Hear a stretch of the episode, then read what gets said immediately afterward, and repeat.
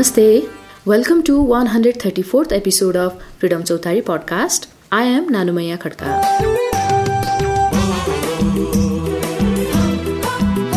Freedom of expression and opinion is a fundamental human right which allows everyone to freely express their opinion online and offline. Right to freedom of expression and opinion is enshrined in the Article 19 of Universal Declaration of Human Rights, UDHR, which states everyone has the right to freedom of opinion and expression. This right includes freedom to hold opinions without interference and to seek, receive, and impart information and ideas through any media and regardless of frontiers.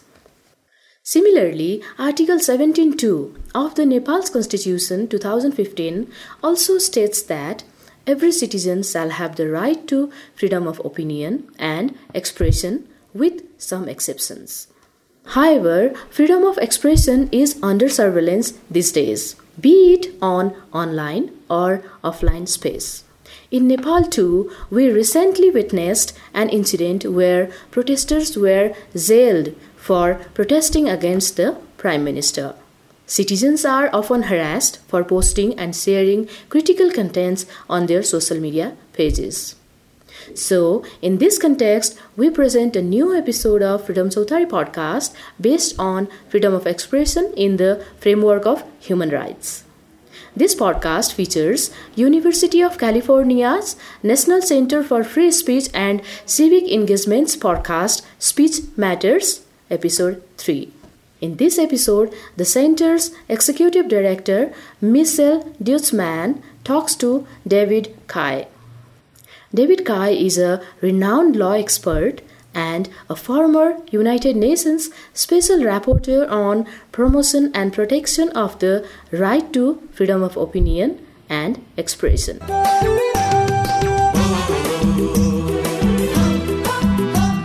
I'm Michelle Deutchman, the Center's Executive Director and your host. Our guest today, David Kaye, will guide us on this journey. David is a clinical professor of law at the University of California, Irvine, and the former United Nations Special Rapporteur on the promotion and protection of the right to freedom of opinion and expression. Appointed by the United Nations Human Rights Council in June 2014, David served as the UN Special Rapporteur through July 2020. In this role, David acted as the global body's principal monitor for freedom of expression issues worldwide. He reported to the UN on issues including COVID 19 and freedom of expression, online hate speech, the impact of the global private surveillance industry on freedom of expression, and encryption and anonymity as promoters of freedom of speech. David is the author of the 2019 book Speech Police The Global Struggle to Govern the Internet.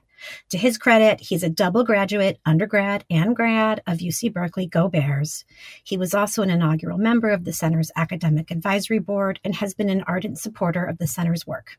David, thanks for joining us and sharing your perspective on expression outside of the United States. Michelle, thanks for having me. Let's start by discussing your work at the UN. How did you find yourself as the special rapporteur, and I hope I'm saying that right, on the global promotion and protection of the rights to freedom of opinion and expression? And can you share with us um, what that role entailed? Absolutely. Thank you for asking. So, um, so the Human Rights Council, which is the central human rights body of the UN system, it's actually a subsidiary body of the General Assembly. Uh, it has, over the last 50 years or so, developed a kind of cadre of expertise related to pretty much every human right that's out there. And so there are about 50 different special rapporteurs, working groups, independent experts that address different issues related to human rights around the world. Uh, and the one that I was appointed to, to, to monitor was the freedom of opinion and expression. Um, I tended to work with other rapporteurs on things like the right to protest, the rights of human rights defenders, the right to be um, protected against um, arbitrary detention or deprivation of life, things like that. And the work that special rapporteurs do tends to focus on three different things. So, one is um, rapporteurs communicate with governments around the world. And that is all governments that are members of the UN, actually. So it's not that they have to be a party to a particular treaty, it's all states, actually.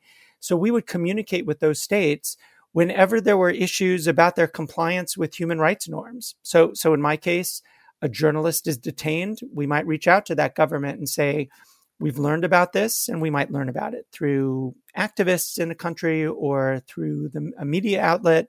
We'd reach out to the government and say, Look, we've learned about this. Um, what's it all about? Um, and what are you doing to ensure this person's human rights are, are being protected? Uh, we would also uh, conduct visits to countries around the world. So, the same kinds of things that we would do by sending letters, we would do more intensively on, on visits. And so, I visited countries that you might not think of as human rights offenders, like Japan, um, but also visited countries like Turkey, uh, Liberia, uh, Mexico, many other countries on official visits that I then report to the UN on um, you know, where the the situation for for journalists and, and others is really very difficult. And then and the last thing, and I'll I'll, I'll stop here, um, is that special rapporteurs produce thematic reports. And so I would report, and you mentioned Michelle some of those reports in in the setup. Um, I would prepare reports as other rapporteurs do on you know key thematic issues and, and the the thematic issue which I don't think is a surprise to anybody who is sentient these days, is how do we think about freedom of expression in the digital age? Uh, and so, sort of the balance of my reporting focused on things about, uh, you know, involving, for example, hate speech online or uh, surveillance online and how it impacts free speech, and and also some kind of I'll, I'll say meta issues, although I'm not just talking about Meta, the company, but meta issues like what's the responsibility of companies to observe human rights of people using their platforms uh, or the public when human rights law is really written for states? So um, or at least to, to bind states. But that was the work that i did for basically six years Thank you so much. That's a pretty exciting job. And um, we're definitely going to be moving on to talk about a lot of those thematic issues you mentioned. But I'm, I'm first going to have to ask you maybe one thing that you found really surprising um, or really particularly interesting in your time. Um, it could either be an issue, it could be a place that you visited, just because I have to ask. Yeah, I, you know, it's such a great question.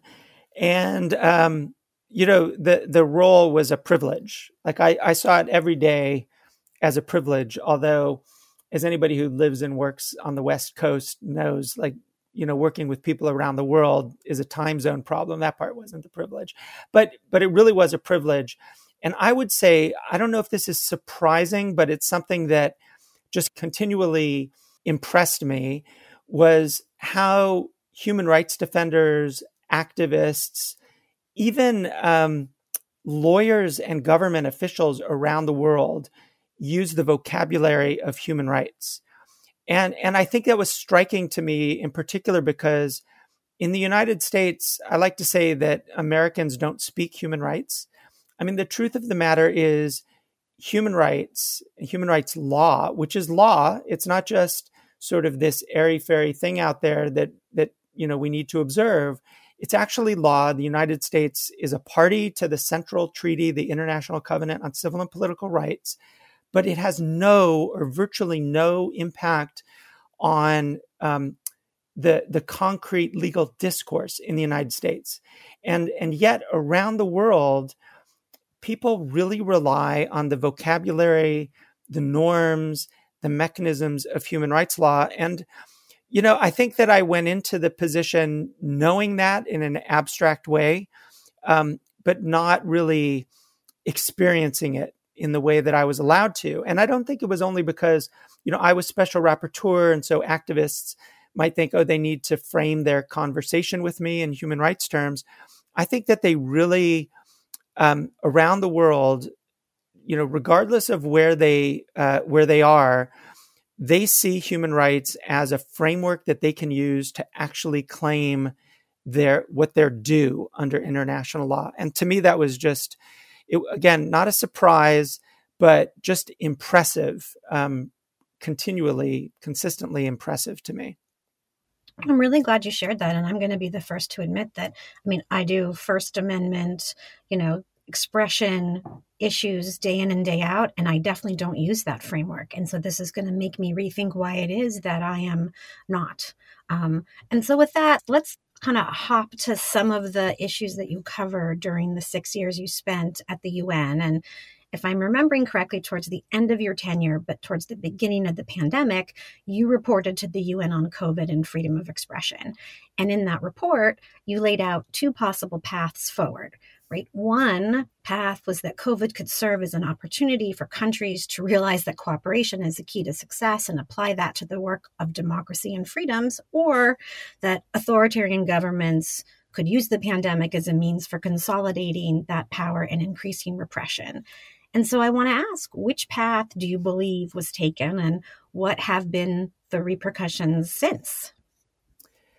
Yeah, it's I, I love thinking back on that period, especially when you think about it. You know, right now is is almost exactly three years since the global lockdown. You know, since a pandemic was was actually identified by the WHO.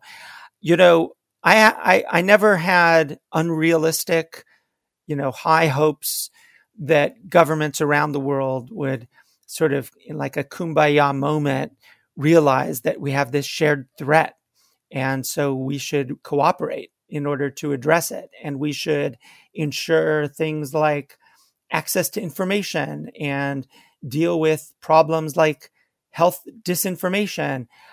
That didn't happen. And in fact i think you know some states probably came out of it with a strengthened regime of health information and um, attention to you know the population's needs for you know robust freedom of expression so that you know disinformation can be debated publicly that's ideally how it should work unfortunately i think there were a combination of things that resulted in states often using sort of the the new openness to deal with say disinformation in real negative ways. So, for example, in places like Egypt, uh, where you know they've for a long time had a rule in law, criminal law, against the dissemination of false information.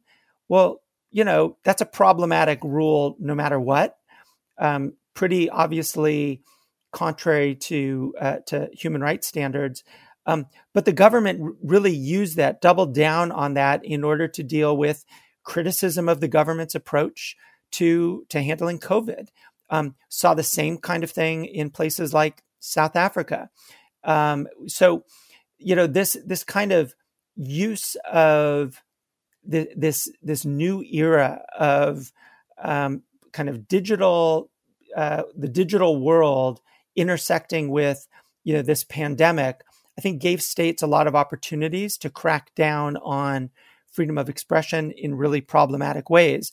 Of course, you know, we also saw this in other places, you know, consolidation of sort of repression of the media in Hungary certainly did not hurt, uh, you know, Viktor Orban that most of the population was in a kind of lockdown, very difficult to to protest, or in a place like Hong Kong, where you know, sort of these deep and and I think understood. I mean, the population largely understood this.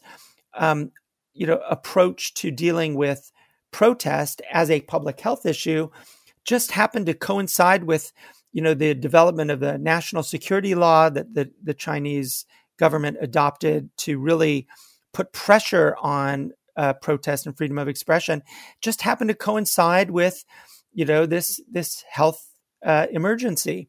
So I, you know, I think that we come out of it, come out of you know the pandemic, worse off in in a lot of respects, uh, and that's it's depressing to say, but I think that's the reality. I like that you left open the possibilities, you know, and it is sad to hear that it kind of went in one direction. Um, but who knows? Hopefully, the pendulum at some point swings back.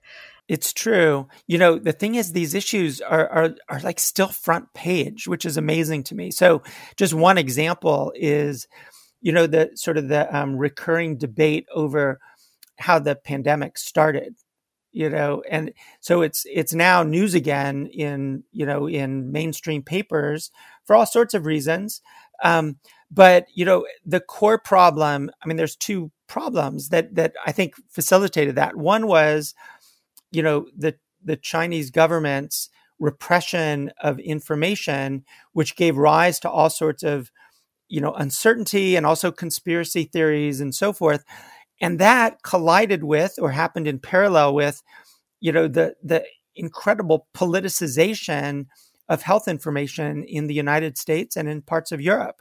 And so, you know, I think we see in those examples just how, you know, repression of freedom of expression, you know, it wasn't about authoritarianism per se, but it definitely sort of the the repression of expression definitely worked against health, um, open debate, public participation, you know other values that we have in democratic societies. So anyway sorry to interrupt. I'm just i get very kind of uh, you know enthusiastic let's say about some of these issues as they continue to uh, kind of dominate the discourse well, there's no apologizing. Um, and I'm glad that you're excited and passionate about it. And it sounds like a lot of it, like you said, was a collision of both timing and issues and already authoritarian tendencies you know, and you've already, you know, talked about how during the time you were at the UN, um, the use of social media and the internet continued to grow exponentially. And with that growth, more dilemmas about content moderation, also still from page news. Who should be doing it? How should it be done? So, this past October, the European Union approved the Digital Services Act, um, which uh, goes into effect next year. And among other requirements, it places um, substantial content moderation expectations on large social media firms, many of which are based here in the US. And this includes limiting false information, hate speech, and extremism. And I'm curious how that's going to work given the First Amendment largely precludes the US government from restricting these types of speech. So let's start there. And then ultimately, I sort of want to ask you do you think Europe is on the right track? But we can take mm. those one time. Yeah, it's so great. I'm so glad that that you raised the DSA. So, you know, the DSA is already so it, to a certain extent it's in effect, to a certain extent it's not. It, I mean, it's in effect in the sense that legally there are already some requirements, but you're absolutely right that like its full effect is is you know kind of um, unknown in a lot of ways, and in part it's unknown because just bureaucratically the European Union's enforcement mechanisms uh, for the DSA are, are still being rolled out. So, so we're you know we're left in a position of like we have this law, but how it actually gets implemented and its effect is really going to be, I think it's very uncertain. So some of what I'll say, you know, should be understood as a kind of hmm, we'll see what happens. But but I do think there's two innovations in the DSA that are worth um, American policymakers thinking about. Um, although you're you're also totally correct that some of these issues may pose First Amendment concerns, you know, that don't exist in Europe. So um, the first is that the DSA adopts this approach of risk assessment. So it, it doesn't actually say specifically, at least the DSA itself, that the social media companies have to act in a particular way toward particular content. So, I mean, of course, illegal content, you know, like child sexual abuse material, stuff like that, that's long been prohibited. And, you know, as when, uh, when the companies have notice of, of that kind of content, they need to take it down, you know, pretty much immediately. And I, more or less everybody understands that.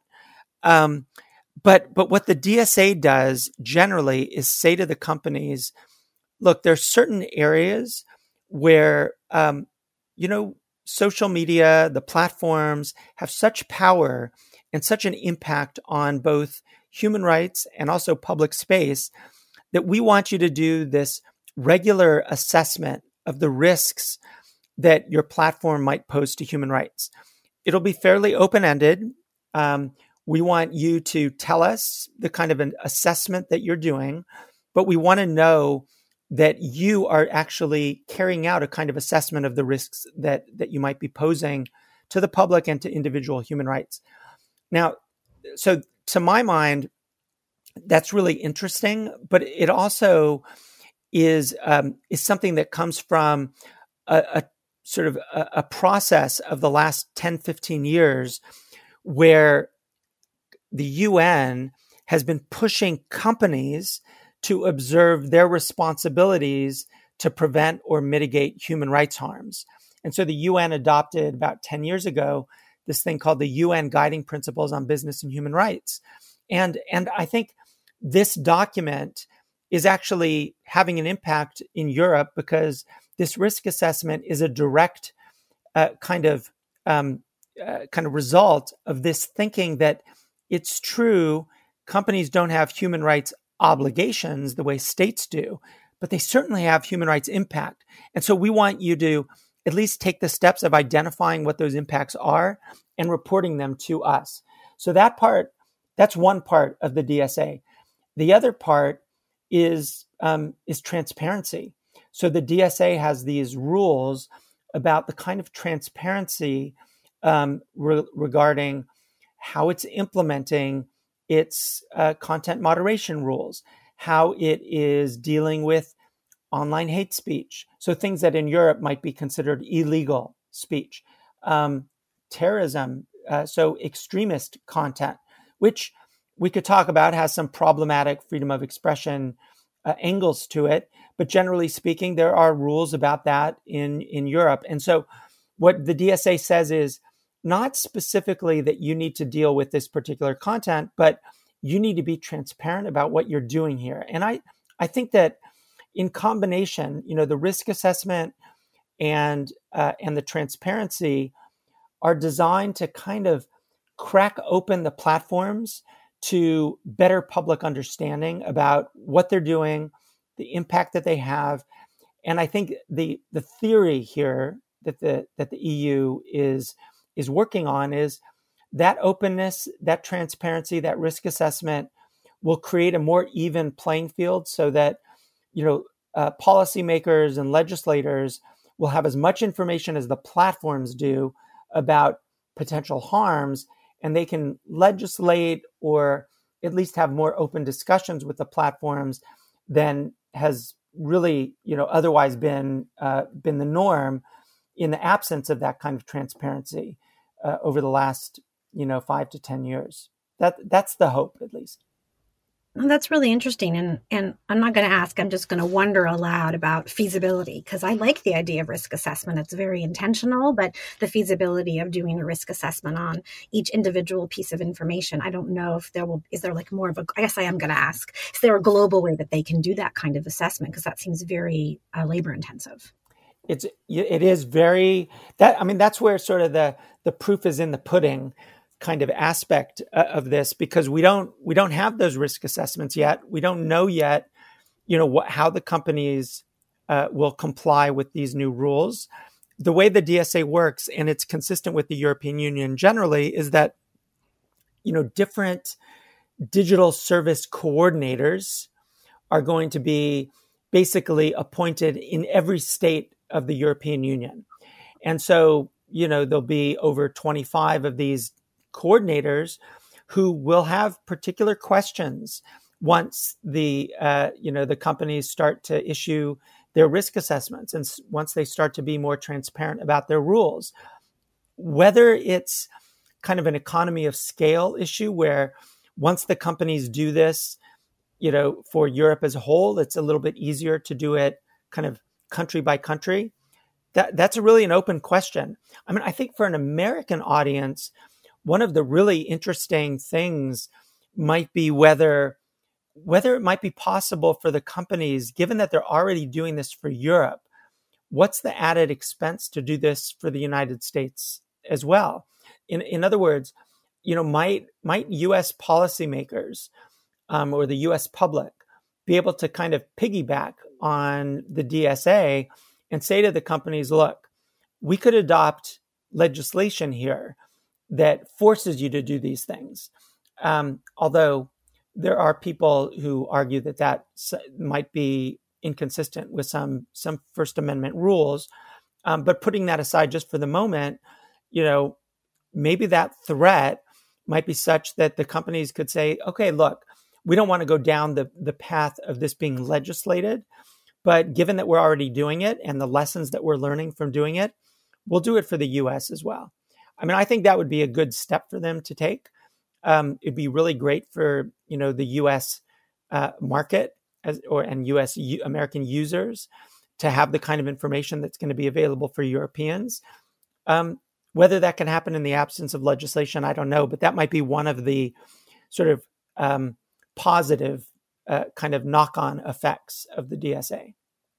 So before we leave kind of this area, I think since we're talking about companies and what their kind of human rights responsibilities are, before we get to protests, I think I'm going to ask you to talk a little bit about AI and about, you know, ChatGPT and maybe consult your crystal ball a little and tell us, you know, how you think some of these newer developments are going to affect um, not just expression, but uh, human rights around the world. Yeah, I mean, I love this question.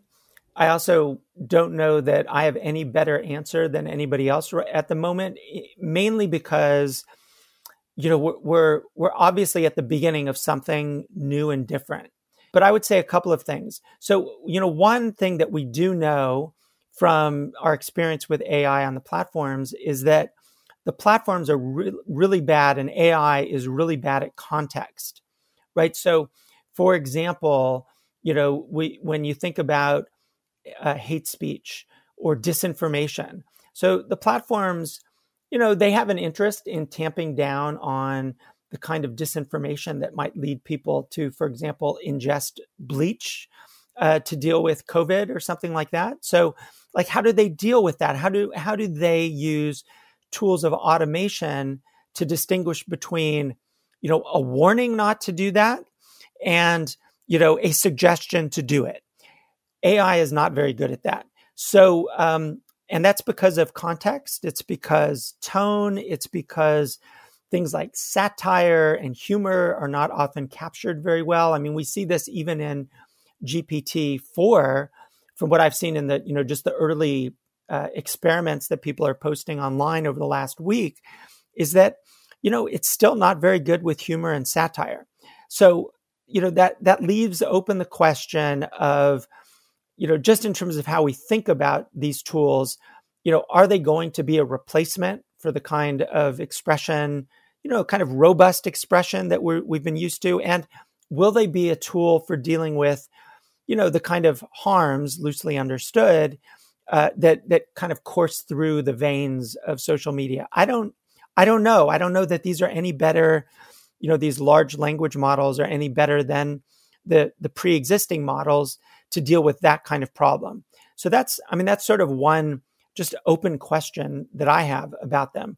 I mean, the other, I think, big question I have, and this goes to back to the DSA in a way, but also the UN approach through its guiding principles on business and human rights, is, you know, in the rollout and the development of these tools, are the companies doing any kind of assessment as to the kind of human rights harms that they might cause?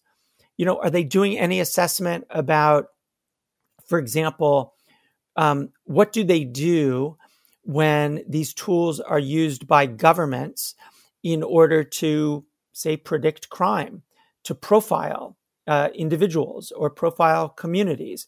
Um, what kind of guardrails are they proposing that would be, um, you know, applied to these tools so that um, so that human rights standards can continue to be observed, or you know, in some places just observed.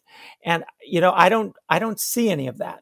I don't see you know uh, OpenAI. I don't see uh, any of you know Bing. So my, I don't see as a public issue any of these companies saying we've done the human rights assessment and here's what we're here's what we found and here's what we're doing. Here's how we're going to try to constrain these tools. I think we need to see some of that because, you know, these tools are being released into the wild, um, you know, kind of as as beta tests, and we're like, you know, we're the guinea pigs.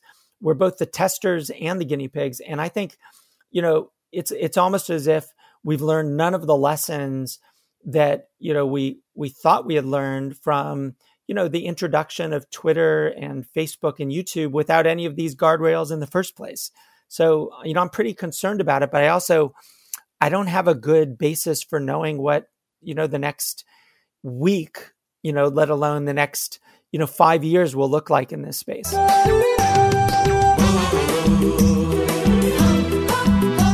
I think I was trying to prognosticate too far ahead and I can only speak for myself. I see so much more negative than positive, but we'll wait and see. Uh, so now I want to move us a little bit from, you know, just sort of talking more specifically about content moderation and talk a little bit about protests and challenges to authoritarian regimes. You know, when I think about the internet and protests, I immediately think of the Arab Spring, which was now 13 years ago. And, you know, much was made of how important social media was, especially how critical it was in communicating to the rest of the world what was happening on the ground. And I'm interested in your thoughts how over that time, you know, especially as we look at things happening now, the war in Ukraine and protests in Iran and continued suppression in China, you know, what kind of role is social media playing? Is it helpful? Is it harmful to the work of dissidents and others who are challenging, you know, regimes? Yeah, it you know it's it's amazing. You know, you mentioned like Tahrir Square and you know the the emergence of you know social media as a tool like even in the run up to to the arab spring you know when we think back then to that time yeah it was like this time of i don't know if i'd say of hope but it was certainly a, a time in which you know those of us who were looking at i mean really you didn't have to be a social media person or an internet person to understand that these tools were having a really great impact on how people organized, how people shared information, and so forth. And and I think that you know if you if you sort of plot, you know, the development of public attitudes toward toward the platforms, you know, that's you know from like 2010, 2011 to 2015, it's like the high watermark of wow, these tools are going to open new avenues for sharing information, for organizing protest, for peaceful protest and so forth. I think, I mean, that changed around 2015. Um, and it changed in part because, you know, uh, 2015 was, you know, the like massive uh, migration from, you know, the war in Syria and war and dislocation in North Africa um, coming into Europe.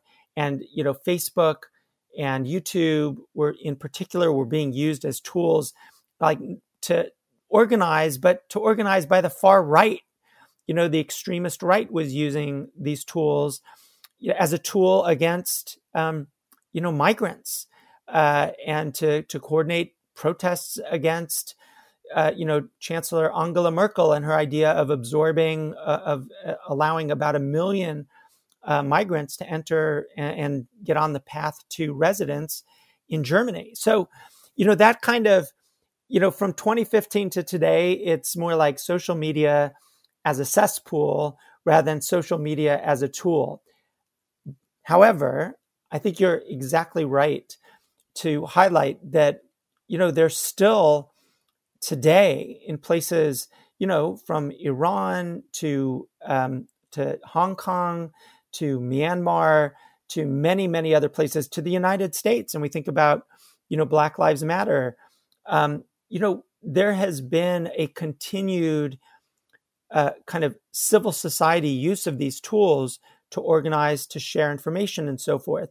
It's it's just that we understand the risks in a way that we probably weren't as alive to in 2011, 2012. So, you know, just two that I would mention two like the risks. One is um, the the risk of surveillance.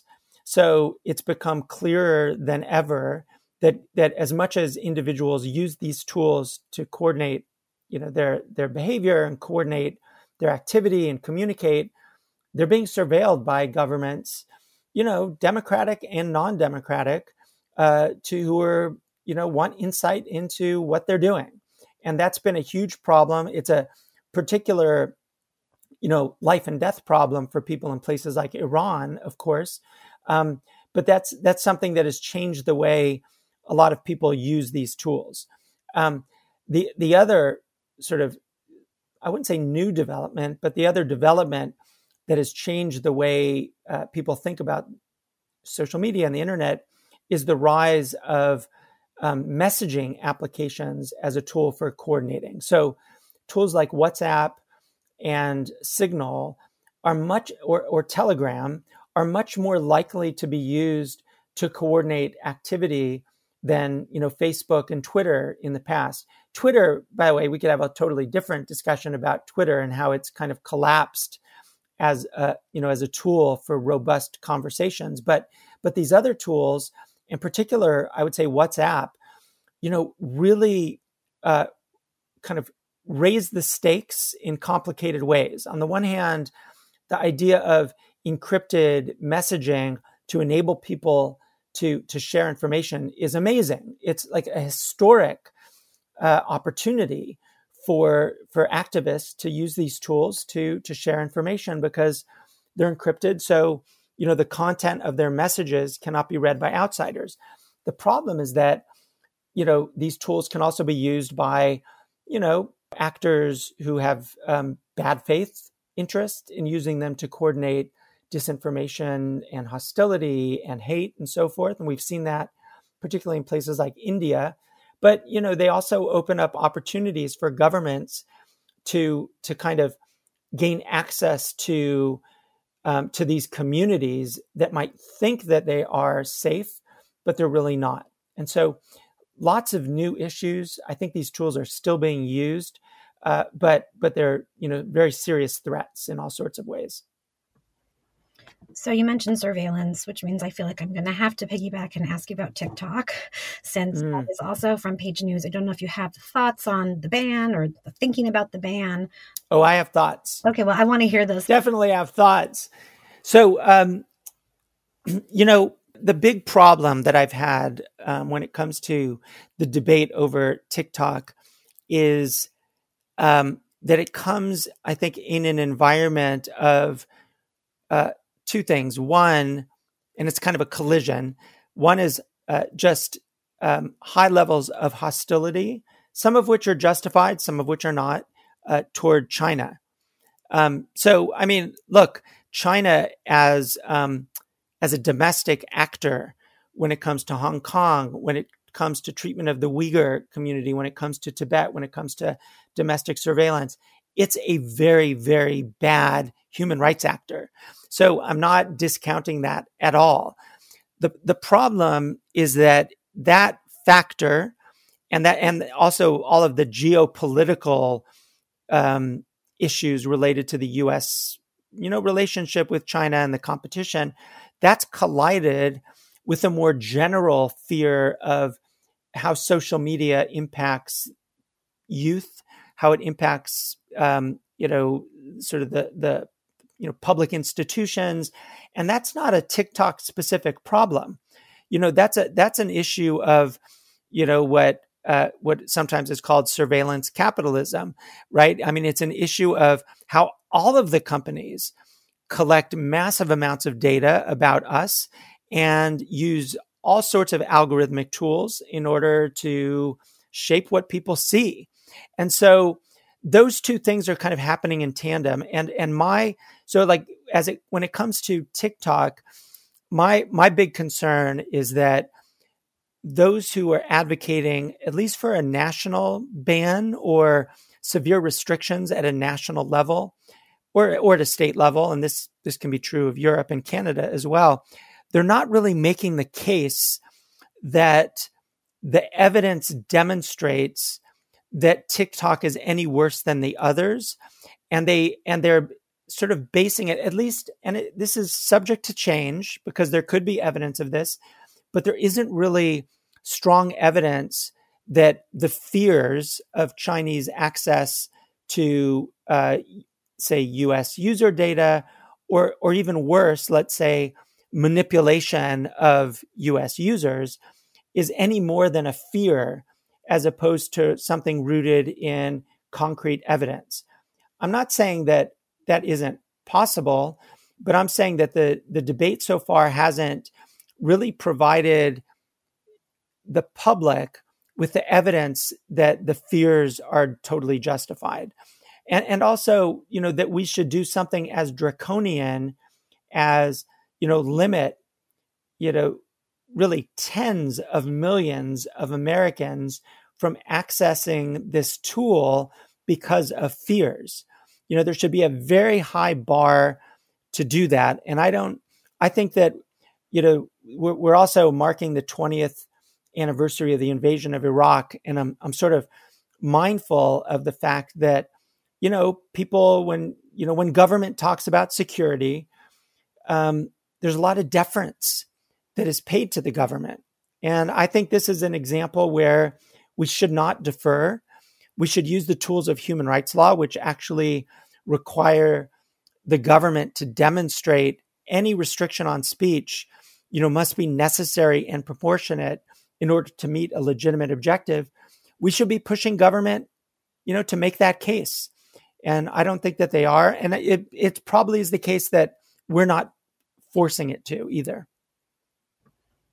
I, I appreciate that. I, I, I am going to use this legal term, slippery slope. And I think it's one of those things a little bit like be careful what you wish for. Well, yeah, I mean, absolutely. And the slippery slope goes in both directions. So, you know, on the one hand, it's like if we're talking about ban, why don't we ban other things that are that are potentially harmful? So that's one part of it.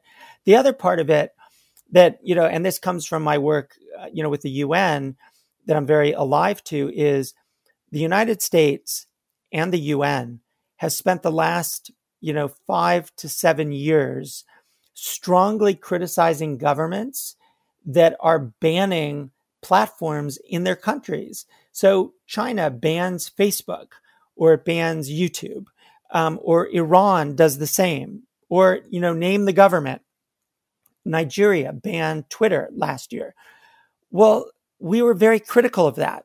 Those governments might respond by saying, well, we have national security or public order concerns. And who are you to tell us, you know, how to, how to respond to those concerns?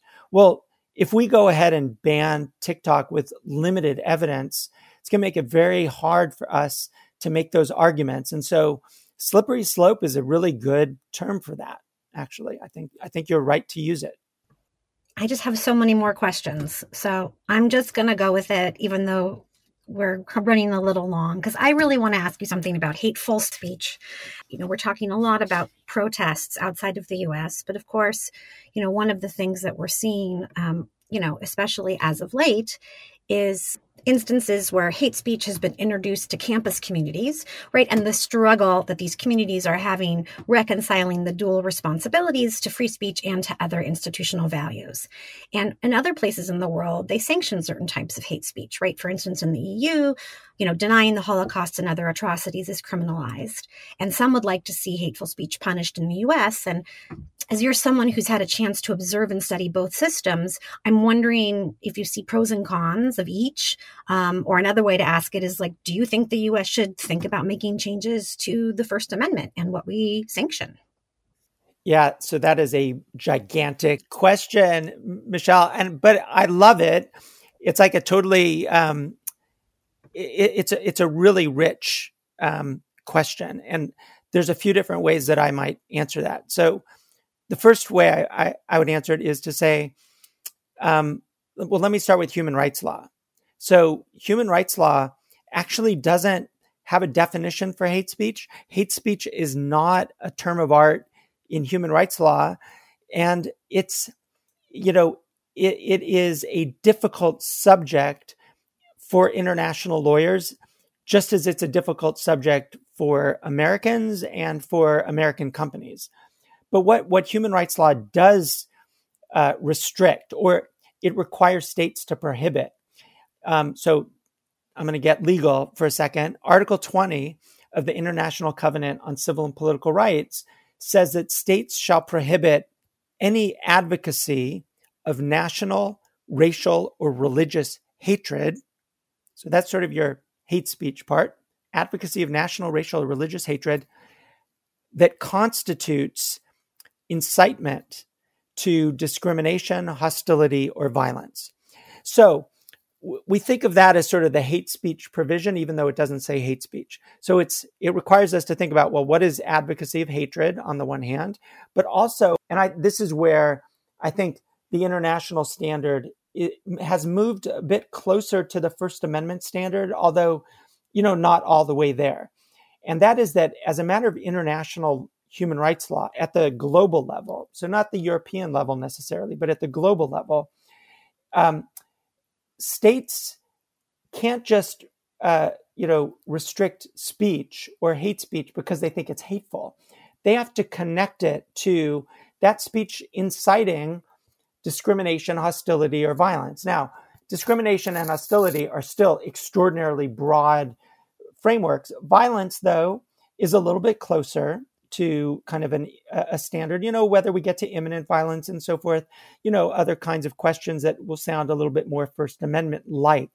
But, but generally speaking, as a matter of international law, the international human rights community has moved to, to kind of, let's say, tighten the definition so that states don't think that they have this sort of broad ability to restrict hate speech just because they don't like the speech or even just because it's offensive.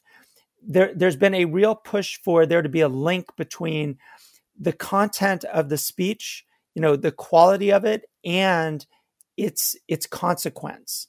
And I think that's that's an important thing to to sort of insert into the de- into the debate, and for certainly for Americans to understand about human rights law, because it isn't as if human rights law just sort of says, oh, any state can define hate speech however they want, and therefore it can be restricted. That is definitely not how human rights law uh, operates here.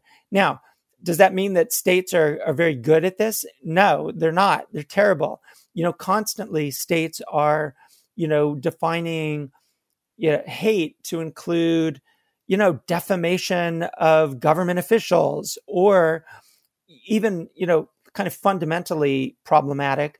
Um, there was this move by the um, Organization of Islamic Countries several years ago to restrict what they called defamation of religions and defamation of religion as a kind of form of hate speech as they understood it was problematic for all sorts of reasons that you know our listeners would understand but but it was really problematic because it was also designed to cut off debate around religious subjects and so there's there's a real um, there's a real risk that hate speech could be used in problematic ways but but human rights law at least does try to put on some some guardrails.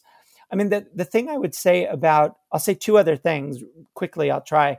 You know, one is it's true that Europe has a broader uh, kind of say deference to states that want to restrict hate speech. So you mentioned, you know, Holocaust or genocide denialism. They have a whole uh, kind of reason for for doing so. I don't think it means that that Europe is any less committed to freedom of expression than Americans are. I think they just see a kind of version of harm in, you know, particularly on a continent that has actually experienced in, you know, at least recent, relatively recent history, and you could even include, you know, the Balkan Wars, um, you know, examples where, you know, hateful speech has kind of merged into genocidal violence, that it's fair to give them to at least think about how they see these issues and as they might see them in a way that might be a little bit different from from ours.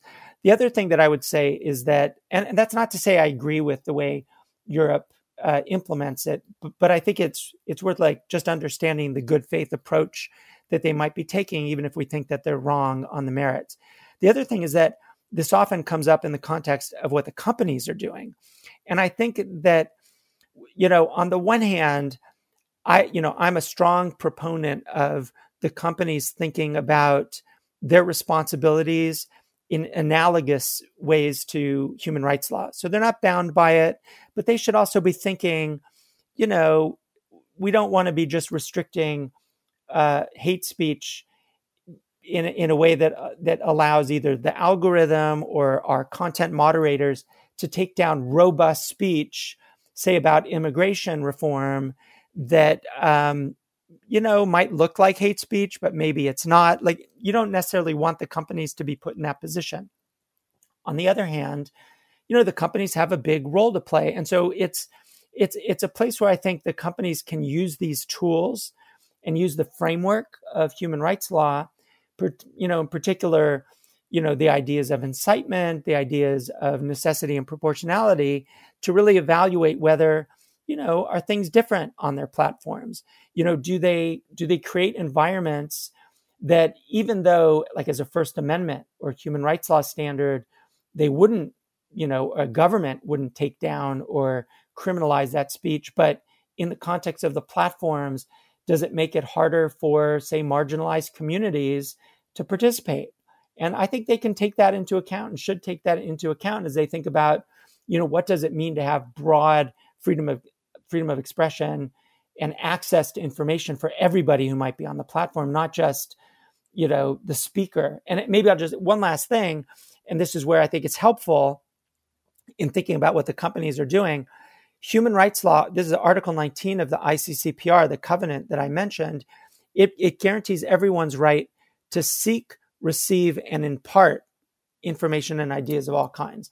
And the reason I mention that is because it, it suggests that the right of freedom of expression isn't just the speaker who might want to, you know, spew hate speech. It's also the right of the audience, you know, the seeking and receiving.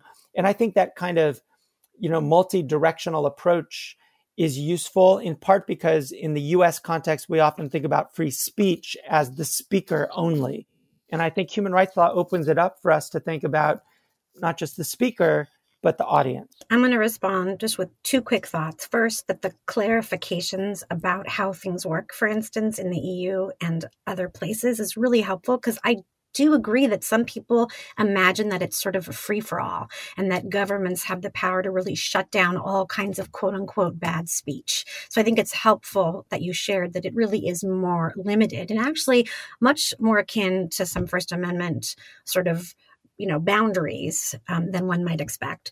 And the second thing um, i would say is that when you talk about the right of the audience i love that you mentioned that because when i talk about heckler's veto right i talk about how it's not just the person who's speaking whose right is impinged upon but the, but also the audience members who have whatever come from far away, taken their time, bought a ticket, any any number of things. So I really like that. Absolutely. And just to I mean just to underline that because I think you've done so much great work over the last several years on campus speech. And you know this comes up you know it came up in the Stanford context a couple of weeks ago. It's it's a recurring theme. I mean I think human rights law that framework since it's law and you know the US ratified the ICCPR, it's it's a great framework to use in campus settings because it reorients us away from just, you know, the right of that one speaker, but also the audience to hear what the speaker's saying. I think it just gives us a way to think about, you know, like heckler's veto, um, but also just, you know, what a university is for. Um, I think the, you know, that the human rights standards are just helpful as a framework for thinking through these problems. Absolutely. And I'm thinking to myself that one of the things I'm going to do after we finish talking is to learn more about human rights law. I'm hopeful that maybe we'll be able to share some resources by, per your suggestion that people can dip their toe into some of these concepts. Um, I, I'm so appreciative of your giving us your time and your wisdom and your expertise. I know that I have learned so much, and it's been really helpful to look through a different lens because I think doing that changes not just how we see, but what we see. And so I'm grateful to you for doing that. Um, and if you have anything else you want to add, um, now would be the time. No, this has been so much fun, Michelle. And just thank you for all that you're doing. You know, both you know UCI, but across the UC and across the country, and sort of pushing these, you know, sort of a, a thoughtful way of thinking about free speech, which is, you know, sadly in our environment so politicized, and it's it's great to have, you know, a, a center like ours to uh, to really, uh, you know, address these issues in good faith, without all the politics, you know, with an idea of how do we how do we solve problems, not just create new ones. So I'm grateful to you too. Thanks. That means a lot. I hope this episode of Freedom Chautari podcast was useful for you. Keep listening to us for more updates. See you in the next episode. Thank you.